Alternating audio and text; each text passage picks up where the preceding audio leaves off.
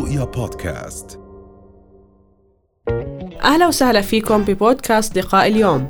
حلقة جديدة مع ضيف جديد. خليكم معنا. كثير من الناس كانت تتجه دائما لمراكز السياحة أو يروحوا physically فبكورونا كل شيء صار في digitalization حتى التأمين الصحي تاعك صرت تطلع اونلاين ال ticketing system صار يكون اونلاين صار في الناس تعتمد على ال online check-in مع إنه ما حدا بيعرفه. يعني أنت اليوم لما تيجي تروح على المطار على سبيل المثال من المفترض إنك تروح على ال boarding وتيجي تعمل check-in بعديها يدخلوك من عند الجوازات صح؟ ال ال بالأصل كان في feature موجودة وقليل ناس عم تعرفها وقليل ناس عم تستخدمها. بدل ما تروح على ال boarding عند الطيران وتاخذ ال ticketing تاعيتك تعمل ال ticketing تاعيتك ويطلعوا لك إياها بإمكانك تعملها أونلاين. فما في داعي إنك تروح أنت وتسبق بوقت وتضلك قاعد في المطار تقدر تعمل online check-in وبتقدر تدخل بكل سهولة قبل ما أنت توصل للطيارة نفسها. نعم. فهاي الأمور وال features بلشت الناس تشوفها وتستوعبها لما فعليا صارت كورونا.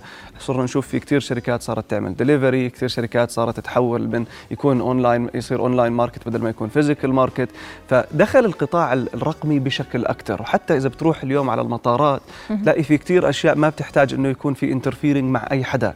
فبتلاقي حالك لما تعمل بدك تعمل ال check-in خلصت عملت ال boarding بدك تعمل تدخل على المطار تقدر بال boarding فقط إنك تعمل hover على ال system بيعمل scan لل barcode الموجود على ال boarding اللي معك وبتدخل بكل سهولة. نعم.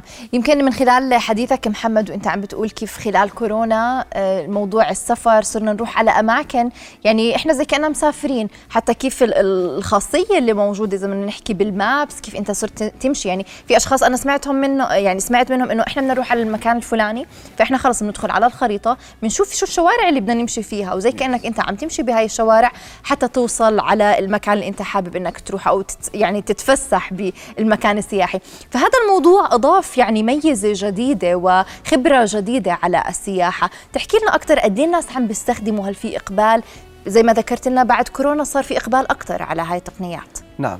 طبعا التقنية اللي إحنا بنحكي عنها اللي هي Google Street ال Street View ال Street View نعم بإمكانك إنك تتفرج على الشارع تتفرج على المحلات اللي موجودة وت explore الأشياء اللي موجودة قبل ما فعليا آه، تشوفها. بالحياة الواقع وأنا صراحة من الناس اللي دائما أي دولة بدخلها لازم إني أكون أعرف قوانينها ولازم أكون ماخذ فكرة عنها. فحلو كثير إنه أنت تفوت على Google View على Google Street View وغيره من التقنيات لحتى تتفرج على المكان قبل ما تروح.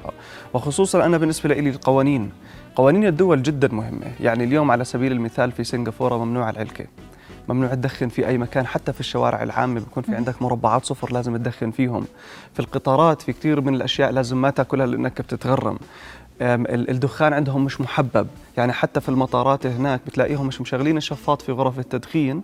ولما تيجي تفوت زي غيمه ما بتشوف حدا. يعني رحت مرة أنا وأصحابي على سنغافورة أول ما دخلنا دخل هو أصحابي أنا ما بدخن بتفرج عليهم اختفوا جوا قد ما في دخان. نعم. فاليوم في كثير دول في عندهم قوانين لازم إنك تطلع عليها اونلاين وموجودة اونلاين فقط. حط اللي هي قوانين مثلا السفر في سنغافورة قوانين السفر في دولة X آه، Y فهاي القوانين لازم تكون عارفها لأنها ممكن تسبب لك مشاكل. نعم. هلأ غير عن المعلومات اللي إحنا بنحب نعرفها عن البلدان وإنما في أمور أو خلينا نحكي قطع لازم تكون موجودة معنا كل ما بدنا نسافر وبرامج أيضا لازم نكون محملينها وتكون موجودة معنا على تليفوناتنا على أجهزتنا الذكية عشان لما نسافر تسهل علينا الرحلة. تحكي لنا عنها. yes أنا صراحة دائما بخلي على تليفوني أكثر من تطبيق.